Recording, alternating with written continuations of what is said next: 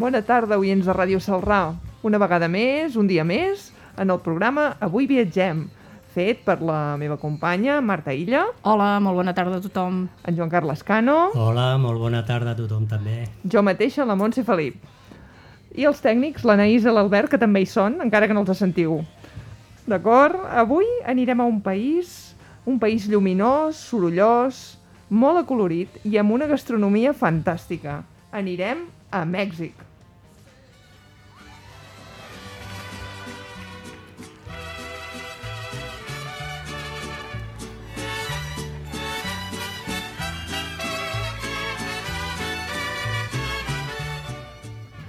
Bé, doncs Mèxic... Mèxic és una república federal constitucional de l'Amèrica del Nord. déu nhi quin nom tan llarg. Limita al nord amb els Estats Units, al sud i a l'oest amb l'oce- l'oceà Pacífic i al sud amb Guatemala, Belize i el Mar Carib. A l'est, el Golf de Mèxic, Mèxic perdó. És una de les àrees metro- metropolitanes més poblades del món. Té una superfície de 2 milions de quilòmetres quadrats i 103 milions d'habitants. déu nhi Doncs sí, molta, molta gent. Eh? Molta gent, eh? Molta gent agrupadeta, tot allà. Eh? Una de les coses que més contrasta o eh, presenta quan vas a Mèxic és que hi ha una riquesa i una pobresa molt accentuada i molt, molt punyent i ho veus tant una cosa com l'altra. És una potència regional de l'Amèrica Llatina per això, eh? Vull dir, a veure, hi ha moltes coses molt riques al costat de pobresa molt, molt important. Uh -huh. Val? Llavors només explicar-vos que la bandera mexicana es compon de tres franges verticals, una verda, una blanca i una vermella, i un escut central. I això té un significat. La verda simbolitza la independència, el blanc simbolitza la unió de les seves cultures i el vermell la sang dels que van lluitar per tots dos, considerant-los herois i heroïnes nacionals. També Mèxic és una de les indústries amb més turisme que hi ha i passen 20 milions de turistes l'any. Ara amb el Covid deu haver baixat, sincerament, eh? Com a tot arreu, eh? Sí, com a tot arreu. A veure, hi han destinacions turístiques eh, molt típiques, com les, ruï les ruïnes eh, mesoamericanes, com... A, a veure si ho pronunciarem bé, eh, perquè això és complicat. Teotihuacan, Chichen Itza, Tulum, que és típic, i Palenque. Platges com Cancún, Ap- Acapulco, Puerto Vallarta, i després també tenim pobles colonials, com San Miguel de Allende i Guanajuato. Centres històrics com Puebla, que és immens. I aquí, sincerament, ara, ara riureu, és una anècdota, s'hi fa un concurs eh, de tocar la guitarra elèctrica sense guitarra. Se'n diu Guitarra on Air. Ah, Ah, o sigui, mira, posen la aquí. música i surt un actor i fa veure que toca la guitarra sense tenir-la. Val? I és, és un, bueno, es veu que és una cosa deu de espectacular, ser eh? Jocs de sons amb la veu, no? No, Amb no, la veu, no, no, no. ho fan veure playback. que toquen la guitarra Però elèctrica. No, no se sent res. La, una música de heavy o de cos d'aquestes i es veu que és aquí Fas Puebla... teatre, teatre del bueno. Teatre del bueno. és un país ple de color, d'història, de gastronomia, de tradicions, paisatges naturals i la gent és molt amable i et donen sempre la benvinguda amb els braços oberts. El que és més famós és la Ribera Maya, però hi ha moltes més coses. També té la reputació de ser un país perillós i la veritat és que has de vigilar on et poses, eh? Uh -huh. Doncs sí, a més és un dels països més, amb, on hi ha més violència de, del Sí. món, eh? Sí, sí. I, evidentment, també tenen la Frida Kahlo, que això ja és un, Un artista un artista internacional que s'ha convertit en un icono turístic, eh, també, perquè hi ha rutes per... Per conèixer els llocs on te va Sí, viure, sí, sí, sí. va estar, va, es va inspirar. Sí, sí. Després, doncs, bueno, la seva capital, que és la ciutat de Mèxic, eh, que es troba en el lloc on antigament hi havia el Tenochtitlan, que és la capital de l'im- de l'imperi azteca, eh? la piràmide central de la qual es trobava just on es troba el Zócalo de Mèxic i els grans llacs de, del centre de Mèxic, parts dels quals van ser plens de terra primer per als azteques i després pels eh, mexicans, per elevar el que avui és el centre històric del Districte Federal. A la ciutat de Mèxic n'hi ha aproximadament uns 9 milions de- d'habitants, més que tota Catalunya, com Sí, sí. comentaven. I més que n'hi hauran. Sí. I està construïda sobre un llac, sobre el llac Texcoco. Per aquest motiu, la ciutat s'enfonsa centímetres cada any. Ah, mira, així es passa una mica com a Venècia, no? Pues sí, jo també vaig pensar el mateix. Els efectes d'aquest fenomen s'han fet vi eh, visibles especialment en els grans edificis que han vist eh, el perill la, la seva solidesa. S'espera eh, que el canvi climàtic empitjori encara aquesta situació. Carai. Déu-n'hi-do. Sí, jo, no, sí, jo no sí. ho sabia, això, eh? No tenia ni idea que... A, a mi m'ho havien insinuat perquè també tenen la catedral situada a Ciutat de Mèxic, molt important, ara no, no me'n recordo com es diu la catedral de, de la Ciutat de Mèxic, que No. tenen els assentaments, el que deies, el, els edificis. Penseu que està sobre un assentament que és un llac. Clar, Ja, però no ho sabia, no? Ja, ja, ja. M'ha No, jo, jo tampoc, eh? Jo, vull dir, els fonaments els han també. de reforçar i tenen, tenen... Deu passar com la Torre de Pisa, també, que els fonaments s'enfonsen i per això s'inclina. Ah, no? Molt bé, Doncs bé. també, també. Doncs de la ciutat de Mèxic ens anem a Teotihuacan. És el lloc on els homes es converteixen en déus. Ep, ep. Caram. Està situat a menys de 50 quilòmetres de la ciutat de Mèxic i és el jaciment arqueològic de Teotihuacan. Encara presenta molts enigmes al voltant de la ciutat que la va construir i habitar durant segles, estar habitada. De tot el recinte destaca l'enorme piràmide del Sol, una de les piràmides més grans del món, l'alçada dels, eh, dels morts i la piràmide de la lluna. Visitar aquesta piràmide és del Tua, Teua, Teotihuacan, a primera hora del matí és la millor hora i obren pues, a partir de les 8 del matí. Vale? Després tenim també Sant Miguel de Allende, que està declarat Patrimoni de la Humanitat per la UNESCO. La ciutat és com un gens de colors vius en el qual es veu obligada a perdre's eh, si anem al, en el seu centre històric. Els seus carrers empedrats, envoltats de color, l'arquitectura colonial de les seves cases, els mercats eh, artesanals, les seves places i antigues esglésies formen part d'un conjunt que, que realment és difícil de, de superar. Eh? Això ha de ser molt bonic, eh? Sí, també el que és bonic són les ruïnes maies més famoses del món. El Chichen Itza és una de les set meravelles del món modern. Um, es troba a la zona turística de la península de Yucatán i cada any rep més d'un milió de turistes.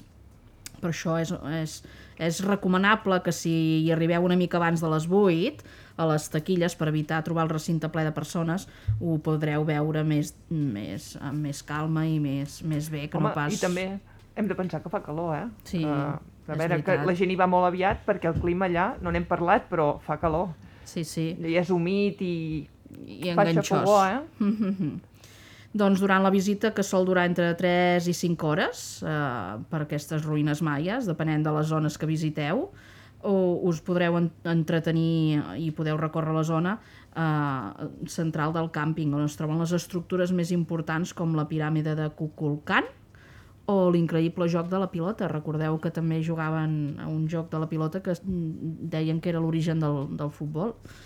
Més Sí. lluny d'aquests són els diversos edificis espectaculars que podràs gaudir amb més tranquil·litat perquè hi ha viatgers que ja no hi arriben, però també són interessants de veure. També us recomano anar fins a un poblet que es diu Sant Cristóbal de les Casas.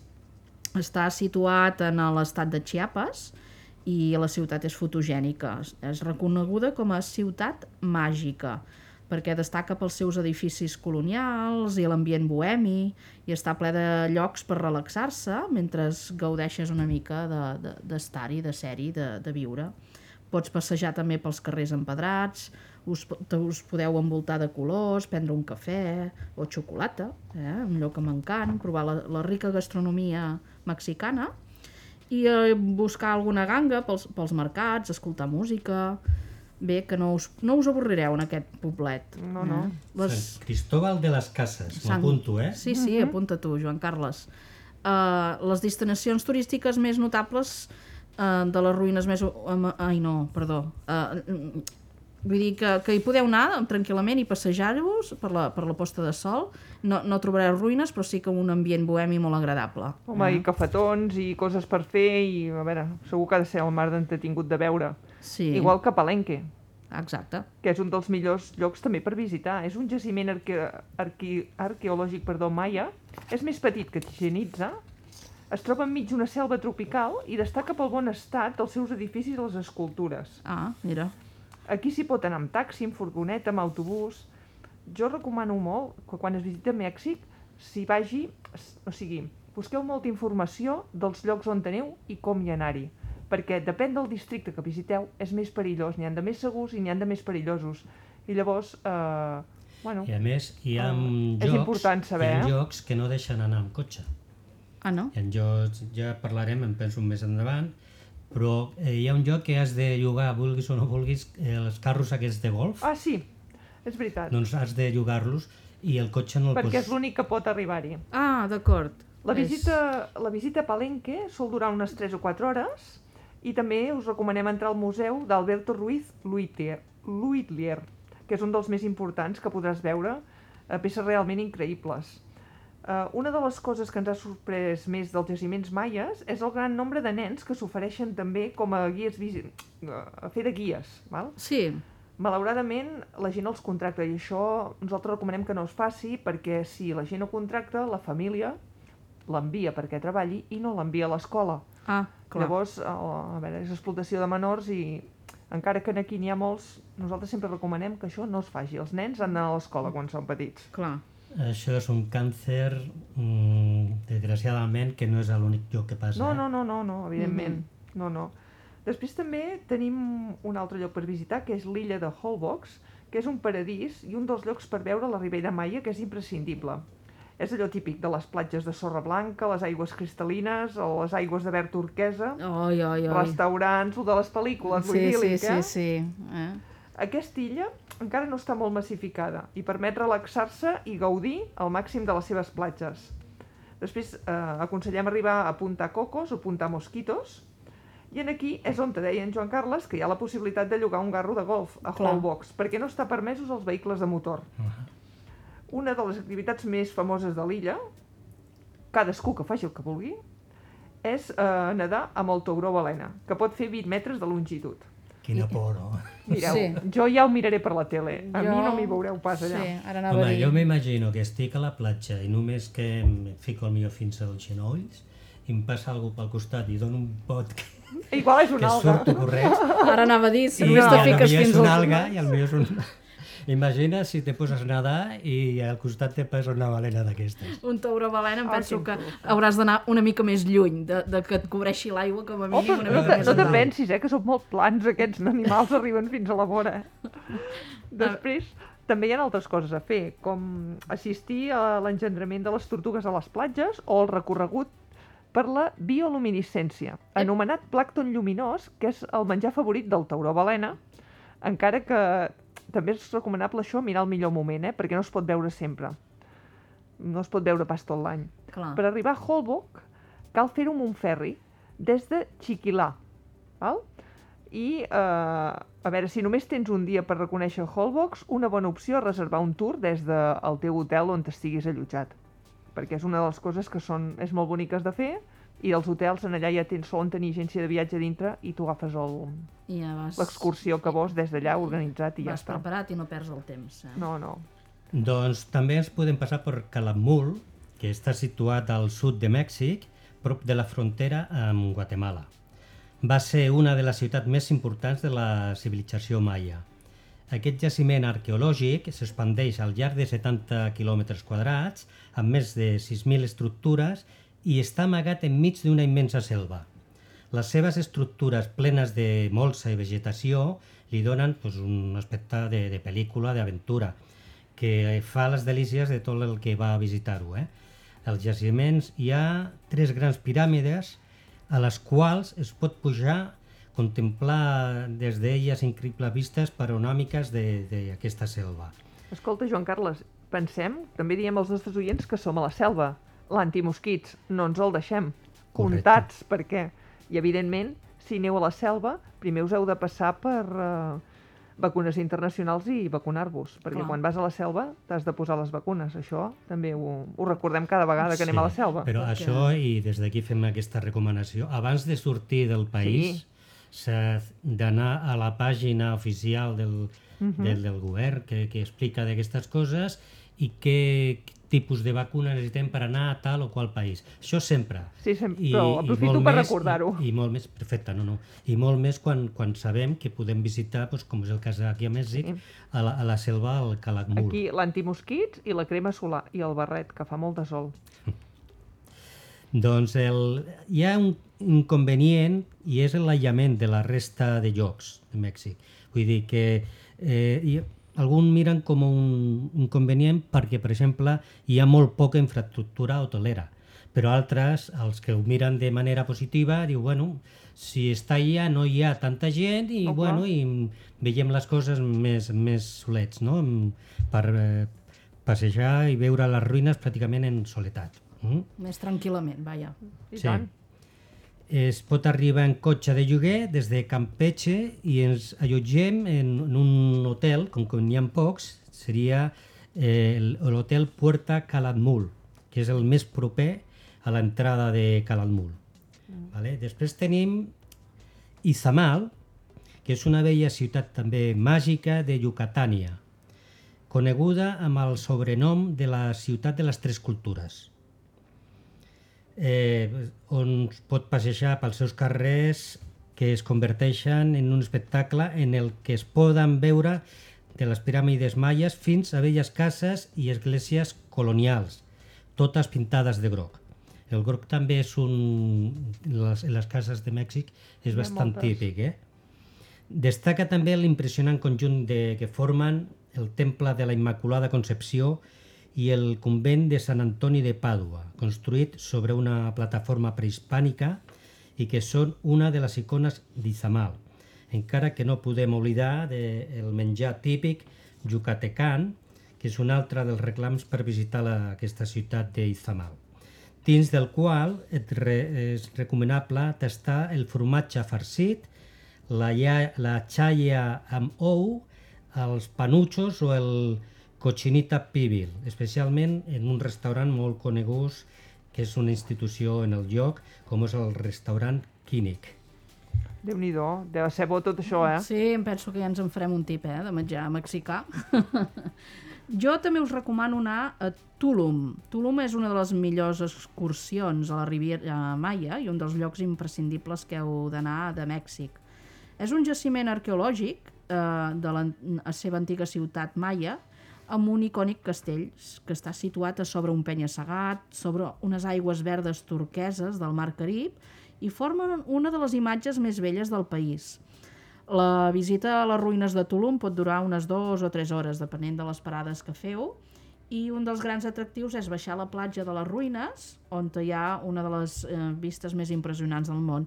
Un cop finalitzada la visita, i si encara no està molt ple no et preocupis, una altra opció és caminar fins a Playa Paraíso, que és una de les millors platges que hi ha a Tulum, on trobaràs dos quilòmetres de platja de sorra blanca locals, restaurants per prendre una copa o menjar. I si no us allotgeu a Tulum, podeu arribar-hi amb autobús a la ciutat i des d'allà agafar una furgoneta fins a les ruïnes.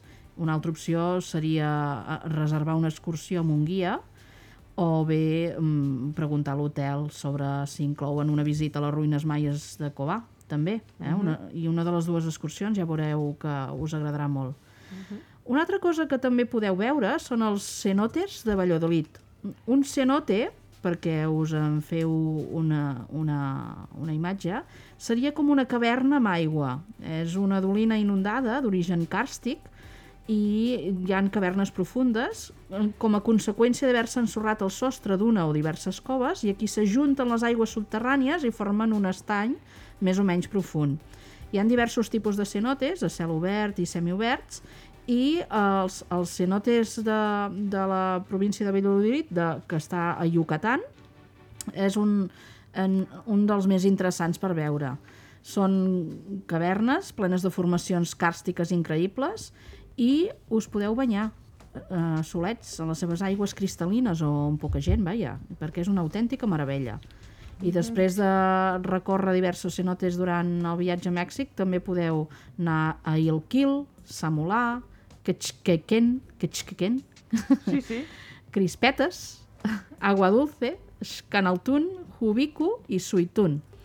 Uh, podeu visitar molts de cenotes amb transport públic, mm, però sempre pregunteu abans d'anar-hi, que no sigui perillós, i si no podeu llogar un cotxe, fer una ruta tranquil·lament i banyar-vos de, de bassa en bassa. Però són d'aigua dolça, suposo, els cenotes aquests, no? Sí, són d'aigua dolça, estan inundats per diverses coves que han... Perquè Serien d'aigua salada si fossin a prop del mar, que Però segueix... no, no, són d'aigua dolça. Són no? d'aigua dolça.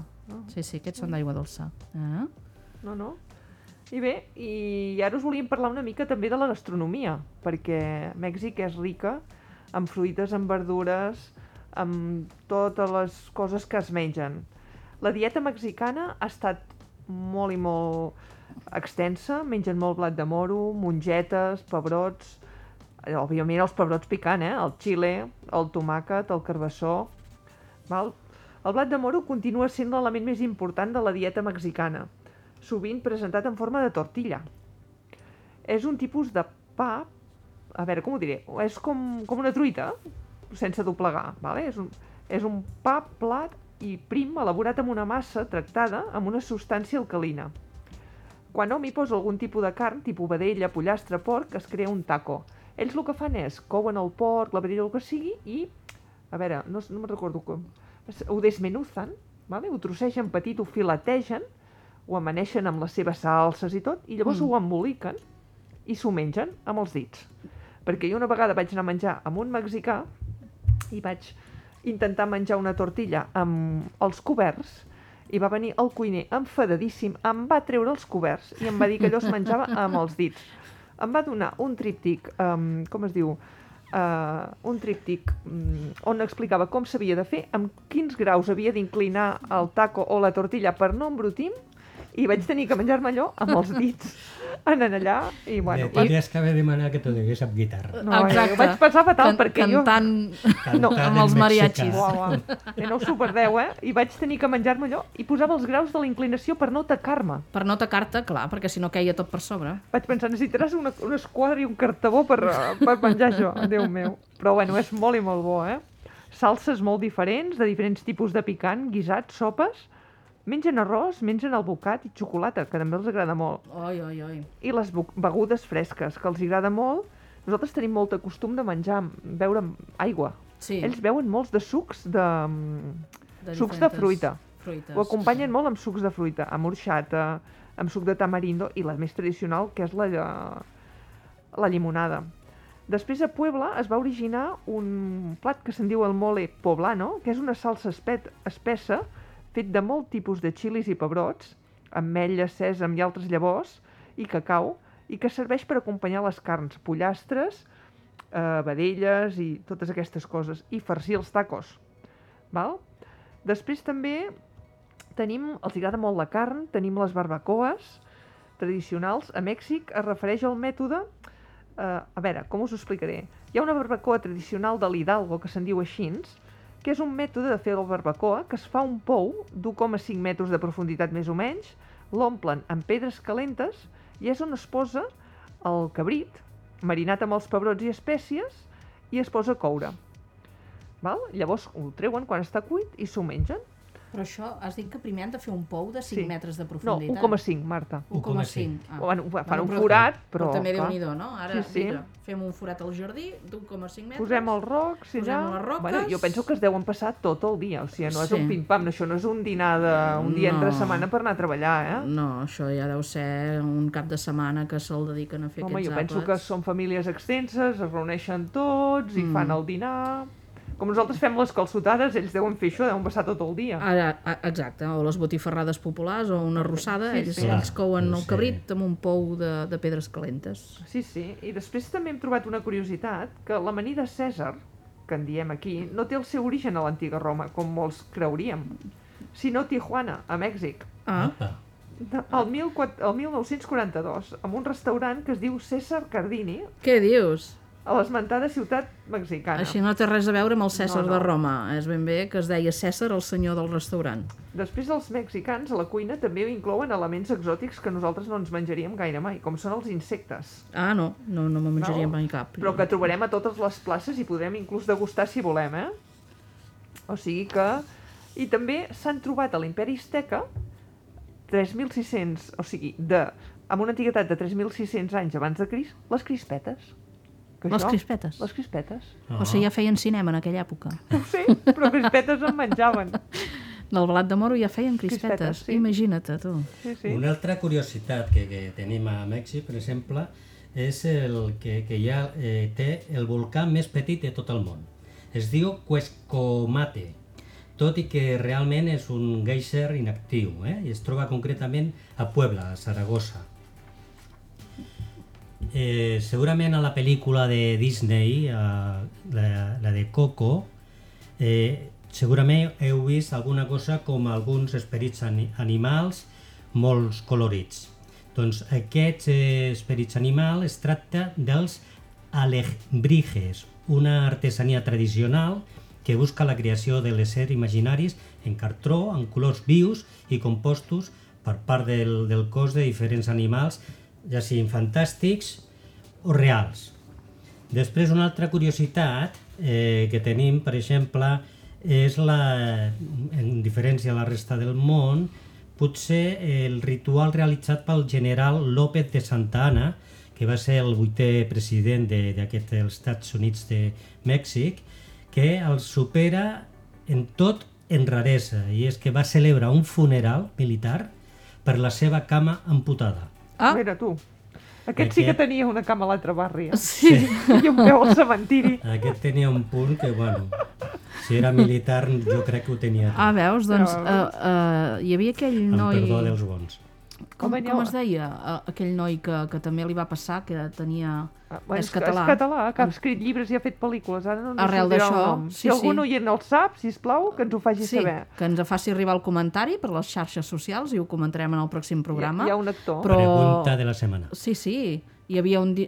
És director de cinema, ha escrit diversos llibres, ha fet el, la, Els la... polseres vermelles el Polseres estaven- Vermelles és d'ell, eh? Sí. Com es diu aquest noi? De qui estem De parlant? qui estem parlant? Doncs que també va fer el funeral per la seva cama, perquè havia mm, sofert un tractament de càncer, va perdre la cama i va Jo ja ho fer... sé, eh? Jo ja ho sé. Ah, doncs a veure Jo no si me'n els... recordo.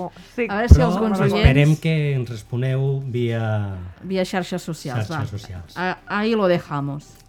Després també el cacau va ser tan valorat a Mèxic azteca que la seva mongeta, la llavor fermentada, es va utilitzar com a moneda de canvi. Mhm. Vale? I a Oaxaca, concretament a l'istme de Tehuantepec, hi ha un tercer gènere anomenat muxe, que segons la tradició zapotec, una muxe és una persona que va néixer amb genitals masculins, però que adopta rols tradicionalment associats al femení, ja sigui amb l'aspecte sexual, social o a nivell personal. Ah, veus? Mira. Eren més avançats que no pas no, alguns de nosaltres. I- i tant. Eh? També una altra cosa controvertida, o no, eh? de la, la tradició taurina espanyola, que es va estendre durant la colonització Amèrica, va provocar que a dia d'avui la plaça de toros més gran del món es trobi a Mèxic. No aquí, no, a Mèxic.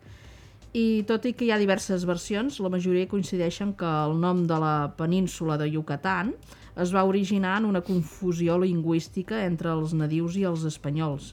Una d'aquestes versions diu que el Yucatán va ser el que un indígena va respondre als espanyols que li van preguntar pel nom de la regió on estava i ell volia dir no t'entenc.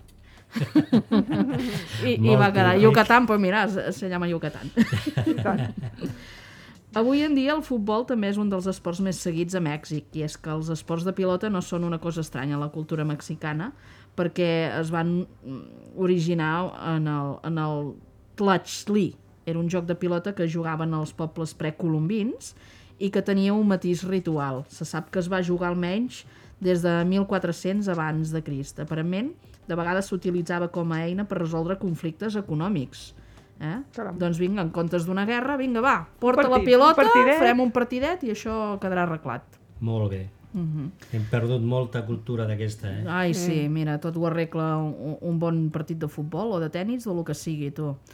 I les festes nadalenques, així com gran part del món cristià i especialment el món catòlic, són molt importants a Mèxic. No obstant, la, això, la bona nit aquí no és tan celebrada com la nit dels Reis. La, la, seria per la qual la, la, la família es reuneix per compartir el tradicional eh, tortell de Reis i, i, i regals als nens. Eh? I també hem, hem de comentar una petita cosa, que si anem a, a Mèxic hem de visitar la barrera de corall, que és una de les Ah. més grans del món, que només la supera la de desculls de- d'Austràlia, que és molt bonic, i si us agrada fer submarinisme, una mica d'immersió o així, aquí trobareu coses molt boniques. I en quant a la cultura mexicana, és la barreja de pràctiques i tradicions indígenes amb la presència colonial espanyola. Quan penses en Mèxic, de sobte et venen al cap mil coses, com lo típic, no? Els vestits aquests de charro, la música mariachi, l'ampolla de tequila i els tacos. També les pinyates i les impressionants piràmides de Chichen Itza i Palenque. I una de les tradicions més boniques són el Dia de los Muertos, o anomenat també Muertitos. Ah, sí. Uh -huh. És considerat la tradició més representativa de la cultura mexicana. El 2008 la UNESCO la va declarar com a Patrimoni Cultural Immaterial de la eh, Humanitat de Mèxic. Aquí, a l'origen del Dia dels Morts, es remunta la creença antiga que el difunt podia tornar a casa un dia de l'any per a visitar els seus éssers estimats. Val? D'aquesta manera, la mort no, no representava el final de la vida, sinó la continuació de la vida en un món paral·lel, o inframont, o midland, en deien. Val? Després de l'arribada dels espanyols, aquesta festa es va sincronitzar amb les celebracions catòliques i la fan el, di el dia de Tots Sants, que és l'1 de novembre, i el dia de difunts, el 2 de novembre. Durant aquests dos dies, l'1 de novembre, anomenat Dia de Tots Sants, arriben les ànimes dels nens que han mort. Val? Uh -huh. I el 2 de novembre arriba, arriben les ànimes dels adults. És com si ho celebressin tots Com- en família. No, no, els que hi ells- eren, els que són Sí, i els que sí. hi havien sigut. Ells van, a, van, al, van al cementiri i fan una festa. Es posen al costat de la tomba del seu difunt, nen, adult o qui sigui, la netegen, la decoren, treuen la taula de càmping, els tacos, la música de mariachi i celebren una, però un fiestón, eh? Amb els Sí. seus familiars. I a més en totes les, caixa, en totes les cases s'instal·la un arc de calèndules, una porta simbòlica que comunica el món dels morts amb el dels vius. O sigui, el dels vius i l'inframont, no? Diguéssim, més Sí. o menys. I ajuda l'esperit a trobar el camí cap a la seva llar. Uh -huh. Eh? És això que, és molt que rebren els que Clar. s'han mort, doncs, amb aquesta espècie de calàngula, que és la unió entre un món i l'altre, doncs a través d'aquí arriben. És molt típic de souvenir eh, una calavera. Jo, jo en tinc una, que me la va portar un amic mexicà d'allà.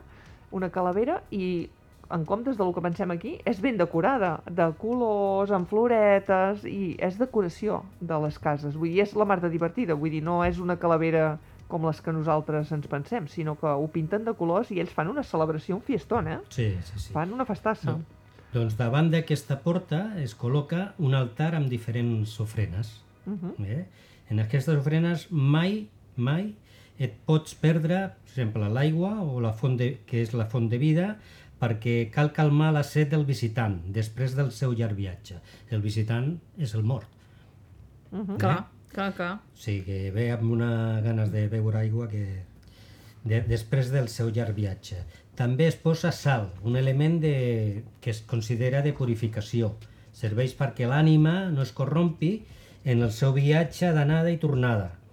A més de tot això, és habitual col·locar una escultura d'un gos xoloizcuintlé, Caram. que segons la tradició, això ho dic en mexicà i queda de...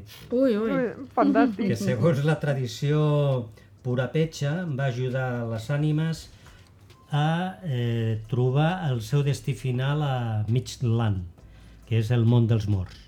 A més, també representa l'alegria dels nens difunts. Doncs, bueno, si ara, si et sembla, eh, passem de parlar d'aquesta festa a una altra que potser també és una mica més Sí. alegre, els mariachis. Jo us vinc a parlar dels mariachis, eh? que aquí ja tothom, quan diu mariachis, ja eh, se'ns encenen els ulls amb aquells barrets, aquells vestits, les guitarres... Les mànigues aquelles, amb els parbalans... És una música que és el component fonamental de la identitat i cultura mexicana. És un dels sons més populars i fàcilment eh, que es reconeixen a- arreu. És, els mariachis es, es van originar a l'estat de Jalisco i des del 2011 un mariachi és reconegut, com a patrimoni cultural eh, immaterial de la unitat per la UNESCO. El mariachi és un gènere musical tradicional de Mèxic, format per un mínim de tres membres. Generalment utilitzen guitarra, violí i trompeta, i en qualsevol quantitat. I de vegades hi afegeixen flauta i arpa. Per extensió, el mariachi també és conegut com un músic que es dedica a aquest gènere. Actualment, la majoria de grups mariachis es vesteixen amb el vestit de charro i barret de charro. És curiós saber, també, una cosa tan mexicana com el mariachi té un nom que no prové d'una llengua indígena ni de l'espanyol.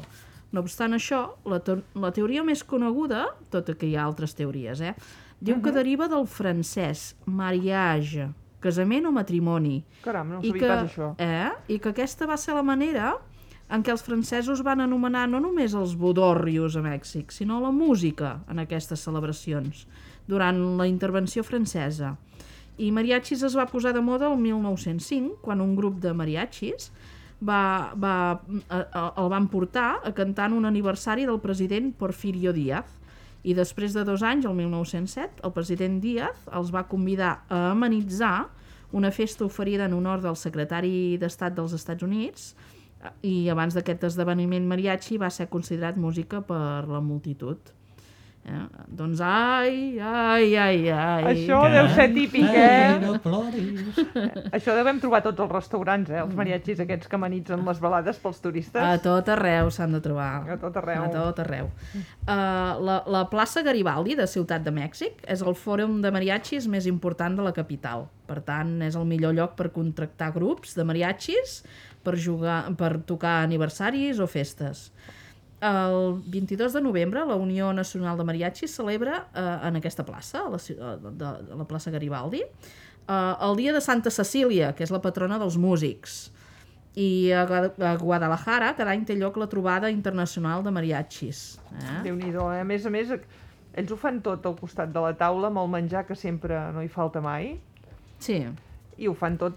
Pensa que ells també tenen aquella festa que nosaltres aquí no celebrem, com es diu, la festa dels 15 anys, Ah, sí, sí, on sí. les noies es vesteixen amb aquells vestits La i... posada de llarg, diguéssim. sí, sí, eh? sí, que conforme ja ets una dona ja estàs amb edat de mereixer i són molt...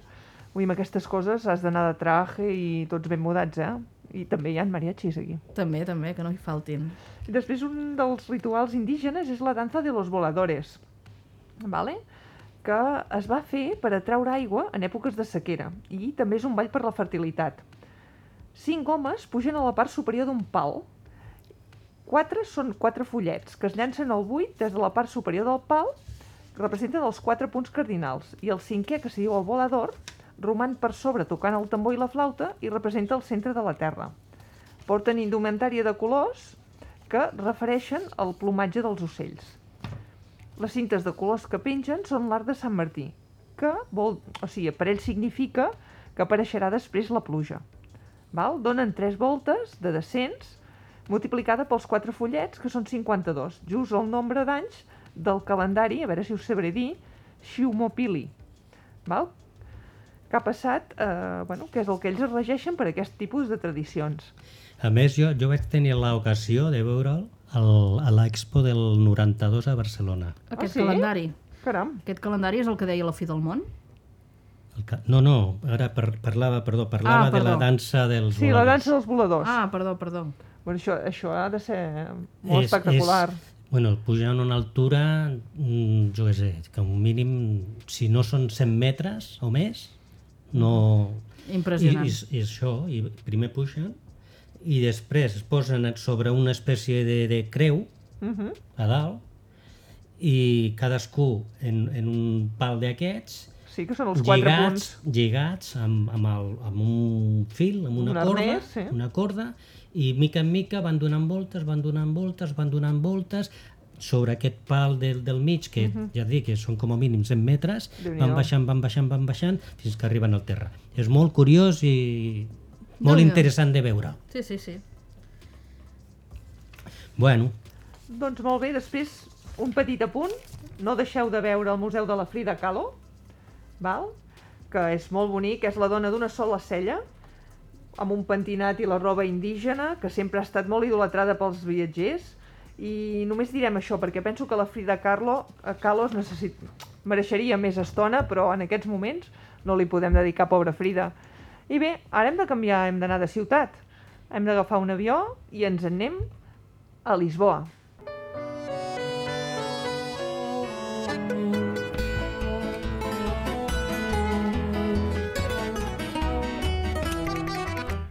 Gosto da tua ternura, da maneira de abraçar, do teu jogo Doncs bé, Lisboa és la capital de la ciutat més gran de l'estat de Portugal. Se situa a l'estuari del riu Tajo. Lisboa és una ciutat més rica de Portugal, té un PIB per càpita su superior a la mitjana europea, eh? La capital de Portugal és Lisboa. És una de les més antigues d'Europa i fins i tot precedint Roma, París o Londres. Té 550.000 habitants. És la ciutat, bueno, que ha de ser fàcil de, de visitar. No deus necessitar molts dies per fer una visita allò de cap de setmana llarg a Portugal, eh? Té una història, té fados i té una excel·lent gastronomia i una temperatura envejable. És coneguda com la ciutat dels set turons o de la llum. Barris plens d'encant com el Alfama, monuments i edificis històrics, miradors increïbles i animades tavernes on escoltar fados i així com una fantàstica gastronomia. Destaquem el, bac el bacalau con nates i els deliciosos pastissos de Betlem, que són un símbol de la ciutat. Són, hi ha moltes coses a veure, eh? Puges i baixes, carrers de colors... I, i per exemple, la Portes do Sol, uh -huh. eh, que està, eh, si ja allotges al barri de l'Alfama, doncs el tenim aquí, i és una de les primeres coses que hem de fer si, quan, quan arribem aquí a, a Lisboa, eh? és el mirador Portes do Sol, que a primera hora del matí doncs és, pot ser la millor hora perquè no trobaràs tanta gent, ni tanta calor, ni, ni aquestes coses que passen quan vas fora. Allà podreu seure en petites taules situades en una terrassa eh, on podreu esmorzar unes delicioses pastes de Belén, acompanyades d'un cafè mentre observeu una excel·lent vista panoràmica de tot Lisboa, amb les cases pastel de l'Alfama en primer pla i el blau del Tajo al fons. A pocs metres d'aquest mirador, enmig del descens, es troba l'església de Santa Llúcia, amb un preciós jardí decorat amb rajoles, des d'on també se pot obtindre una altra bona perspectiva de, de Lisboa. Després tenim, per a viatjar, doncs, eh, si, si arribem, eh, a, podem arribar al mirador de Portes do Sol i altres llocs que són imprescindibles per visitar, com per exemple el castell de Sant Jordi i la C, que podem agafar el tramvia eh, groc, el número 28, que és molt típic d'allà. Uh -huh. Aquest emblema de Lisboa et portarà a una altra època mentre viatgem per tot el centre històric, per exemple el Barrial, l'Alfama, el Chiado i Grassa. I sents eh, la campana que anuncia la, les parades, que també és, eh, bueno, és curiós de sentir-la perquè és, és, és, realment sembla que te transporta a una altra època. Deu anar més lent tot allà, no? Deu Sí. semblar que, tot... Clar, pensar que és Va una això, mica és més lent. Te és posen un, tramvia. fado i te fan viatjar cap al passat. Ja. és un I tramvia. I la millor opció també, eh, monetitzar l'entrada, és comprar un bitllet de les 24 hores. Eh? És una mica, pot ser més car, però bueno, representa uns 6 euros tot el dia, vull dir que tampoc és tant. I també inclou l'ascensor de Santa Justa i la de Glòria. Encara que si vas a visitar els principals monuments de la ciutat, el millor és comprar una altra targeta que t'inclou tot. Mm? Això és molt típic de les ciutats aquestes que es visiten en poc temps, en Sí. dos o tres dies. Hi ha Compres un un pas o una targeta, un abonament de les principals que ja coses. t'ho inclou tot i fora problemes. Sí. Sí. Pots anar cap aquí, cap allà, sense haver-te de, de preocupar. I un altre tramvia històric que també és, és interessant seria el, el 12, eh? també passa pels barris del centre. I el 15 que et portarà a Belém. És un altre barri que no, et pots, que no ens podem perdre si visitem la ciutat. Un dels millors eh, consells per viatjar a Lisboa és estar atent a, la, a les teves pertinences mentre vas als tramvies. Vull dir, per desgràcia, com en moltes ciutats, aquí eh, podem trobar algun que, alta, que altre Carterista. carterista. Ai, al tanto, al tanto. Són Eh, artistes, carters- aquesta gent, eh? Doncs Sí. vinga, eh? Doncs els diners a dintre la butxaca o dintre els sostens i au. Apa-li, allà no entra res. Uh, des del mirador de Portes de Sol es pot pujar uh, o amb el tramvia 28 o fins al castell de São Jorge, Sant Jorge, que està situat al turó més alt de Lisboa, al pintoresc barri de Castello. I després de recórrer els pocs carrers d'aquest barri, podeu entrar en aquest castell, que és del segle V, construït pels visigots i es va ampliar pels àrabs. I podeu gaudir d'unes excel·lents vistes de la ciutat i del Tajo, des d'una terrassa que també hi ha diversos barrancs antics.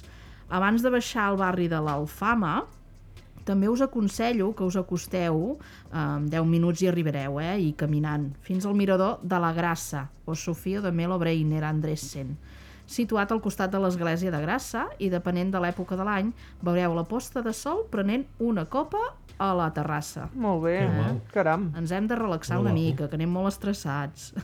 I tant. Després, el barri d'Alfama, també amb els seus carrers empedrats i, i, i, i laberíntics, eh, està situat entre el castell de Sant Jordi i la riba del riu Tajo, trobaràs la veritable essència de Lisboa. I és la millor manera d'explorar aquest antic barri de pescadors. Eh, podeu baixar eh, i en forma d'S la bonica casa dos Vicos i oblideu el mapa, gaudiu dels balcons de ferro plens de roba, els edificis d'aire decadent, les animades places i botigues de proximitat, que ho converteixen tot en un altre dels millors llocs per visitar Lisboa. Això ho afegim al tramvia i realment anem a una altra època. Ah, exacte. Això sí que són unes vacances de proximitat, quasi, quasi, eh? Sí, I us sí. oblideu de tot. El mòbil el llanceu en el Tajo i au. I apa.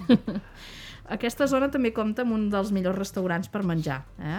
Es, es diu O Trigueriño i Tinàrcia, on us podeu degustar plats casolans i, i, i també tavernes com Do Jaime, on, on prendre una copa o tapes mentre escolteu el fado més autèntic, que és la cançó tradicional en la qual s'expressen els mals moments de la vida. Doncs, cuita, treu tot lo dolent, I treu, tant. que s'ho quedi un altre i a seguir. I abans de, de passar al que us vull recomanar, només dir-vos que ara amb això dels carteristes m'ha vingut al cap eh, que a casa en tenim. És com una mena de ronyonera, és que es compra a les botigues de viatges, Ah, sí. que tu la portes enganxada amb, una, amb un, com un cinturó una mica més ample, que tu el portes enganxat al cos per sota la roba. Sí. Hi ha una banda que és més ampla, amb una cremallera, el que, està, que té la mida del passaport. I tu hi pots portar els passaports i els diners o una fotocòpia dels teus documents i el portes enganxat al cos, de manera que si tu et roben, per mala Doncs- sort, lo bo, lo, els diners i la documentació tu la portes sota la roba. I no Sí. t'ho I trauran no t'ho trauran pas perquè és planer i no es nota res. Va amb una civella, d'aquestes de plàstic, com una ronyonera, tot enganxada al cos. I jo ho he portat a, a molts llocs, a molts llocs, perquè és molt pràctic, de, no es nota res, no es veu res. I vas més Doncs tranquil. I vas ben tranquil. També. Montse, m'ho apunto. Apunta, apunta, Joan Carles. I després, Tinc una llista que... déu-n'hi-do, eh? Un altre lloc per veure Lisboa, eh, situat aquí al districte d'Alfama que parlàvem, és el Panteó Nacional, on descansen eh, eternament alguns dels herois i celebritats del país. Val? Té una cúpula blanca que destaca les eh, so, per sobre les teulades d'Alfama i té unes excel·lents vistes, eh, com ja hem, hem pogut dir. Després la catedral de Lisboa, coneguda, eh, és coneguda com l'edifici religiós més important i antic de la ciutat. És un temple, temple del segle XII que ha sobreviscut a diversos terratrèmols. Impressiona per un exterior sobre, sobri d'estil romànic, amb dues torres com a campanars, mentre que l'interior és una barreja de diferents estils arquitectònics. Com a totes les catedrals també tenim la sala del tresor, eh, que allà és on te conserven els objectes més valuosos. Aquí es poden fer tours mm, per grups o tours privats. Els que us agrada la història, jo us recomano, encara que sigui més car, un tour privat, que sempre en treus molt de suc. Sí, Després almenys de- aclareixes conceptes. Sí, sí. Des de la catedral es pot baixar caminant fins al barri de la Baixa, eh, després pujar al, a l'icònic ascensor de Santa Justa, a Chiado i el barri Alt. Dos dels barris a visitar també imprescindibles aquí al, a Lisboa, amb més ambient que hi ha.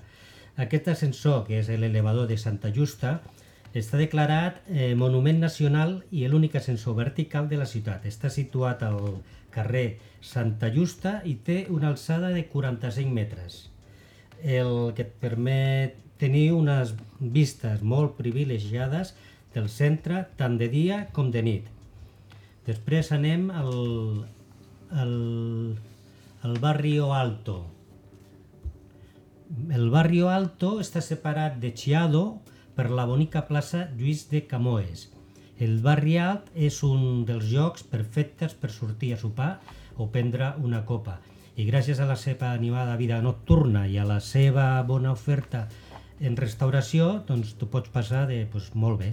A més de molts bars originals com el Pavilao xinès, eh, que, és una, que té una curiosa decoració, la caixa de música, bona música en directe, o el Nooapai Café, impressionants vistes que es poden veure des d'aquí. Tens restaurant en tots els estils eh, i butxaques com Tasca Mastai o el restaurant Duque, així com bons llocs per escoltar el fado.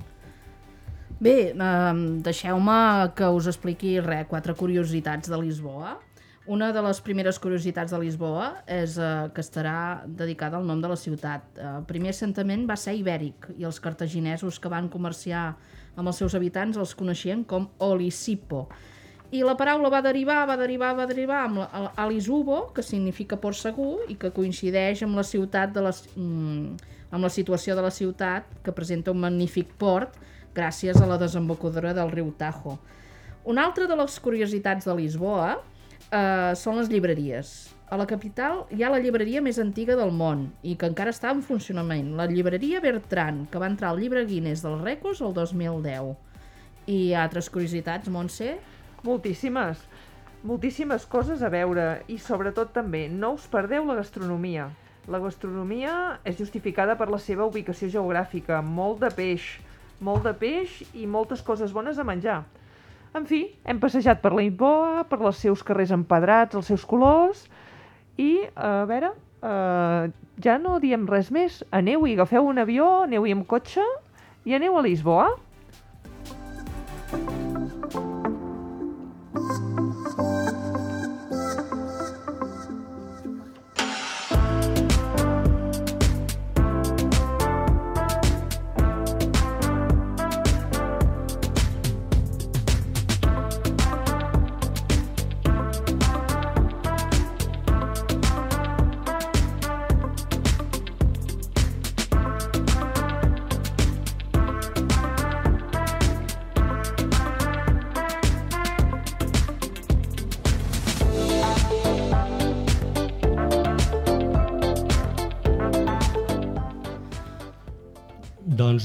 Estem en l'espai de les notícies i comencem per una que és molt interessant. Marta. Sí?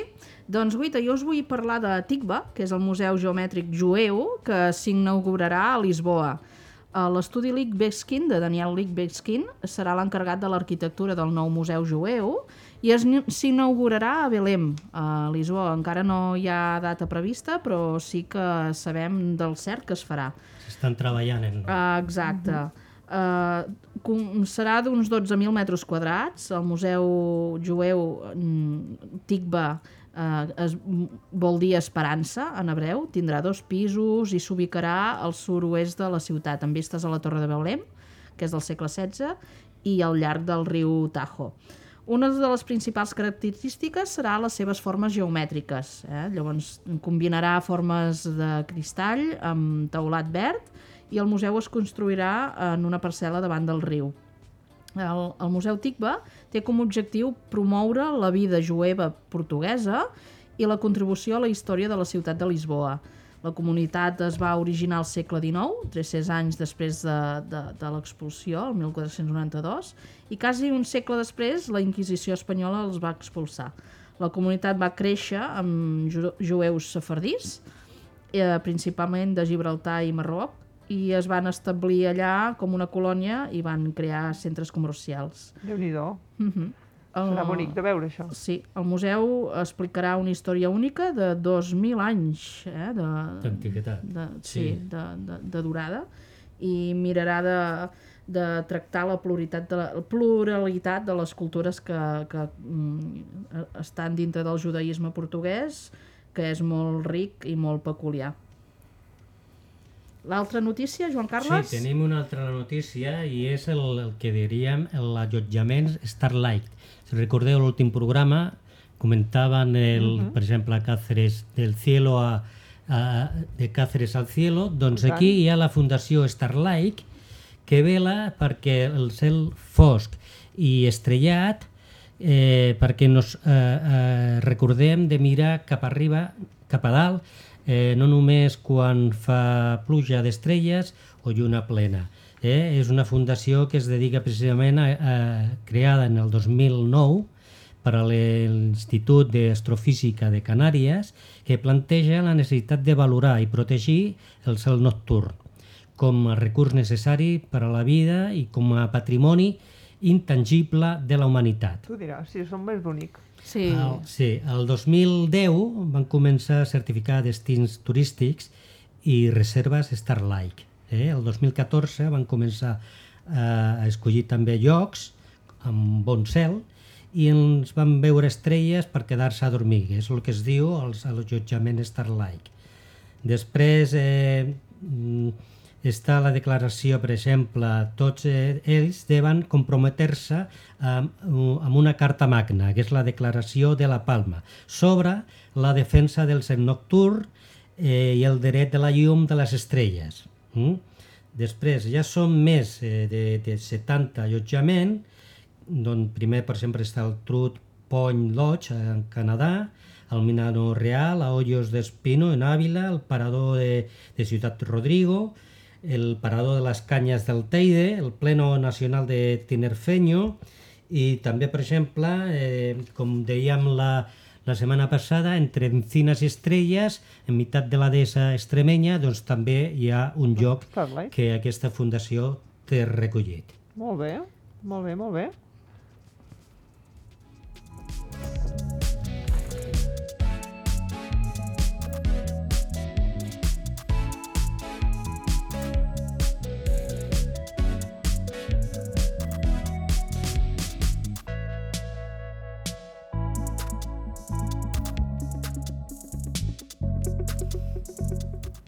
Bé, ja arriba la recomanació del llibre que tenim per aquest, per aquesta setmana. És El viatge pel meu país. L'autor és Joan Gari i eh, un resum petit. A l'any 1962, el Joan Fuster, un dels intel·lectuals capdals de la cultura catalana contemporània, publicava El País Valencià, una exploració del País Valencià estructurada en vuit itineraris. Doncs aquí és, un, és una obra més o menys de 500 pàgines on fem un recorregut molt interessant que aquesta setmana doncs, recomanament, Molt bé. recomanem que, que si pugueu per llegir. Viatge pel meu país, d'en Joan Gari. Molt bé, doncs fins aquí el programa d'avui. I només dir-vos que la setmana que ve viatjarem a un lloc ben exòtic com Madagascar i un lloc molt interessant com és Berlín. Ai, Molt bonic, quins molt canvis. bonic, eh? Sí, Fins sí, aquí el sí. programa uh, i les gràcies a la meva companya Marta Illa, Encantada, encantada de Fins passar aquesta setmana- tarda. Fins d'aquí a dues setmanes. en Joan Carles Cano, i jo mateixa la Montse Felip i els meus companys l'Albert i l'Anaïs, que estan a la producció del programa. Moltíssimes gràcies a tots. Fins la setmana que ve, o d'aquí 15 dies, perdó. 15 dies. 15 dies.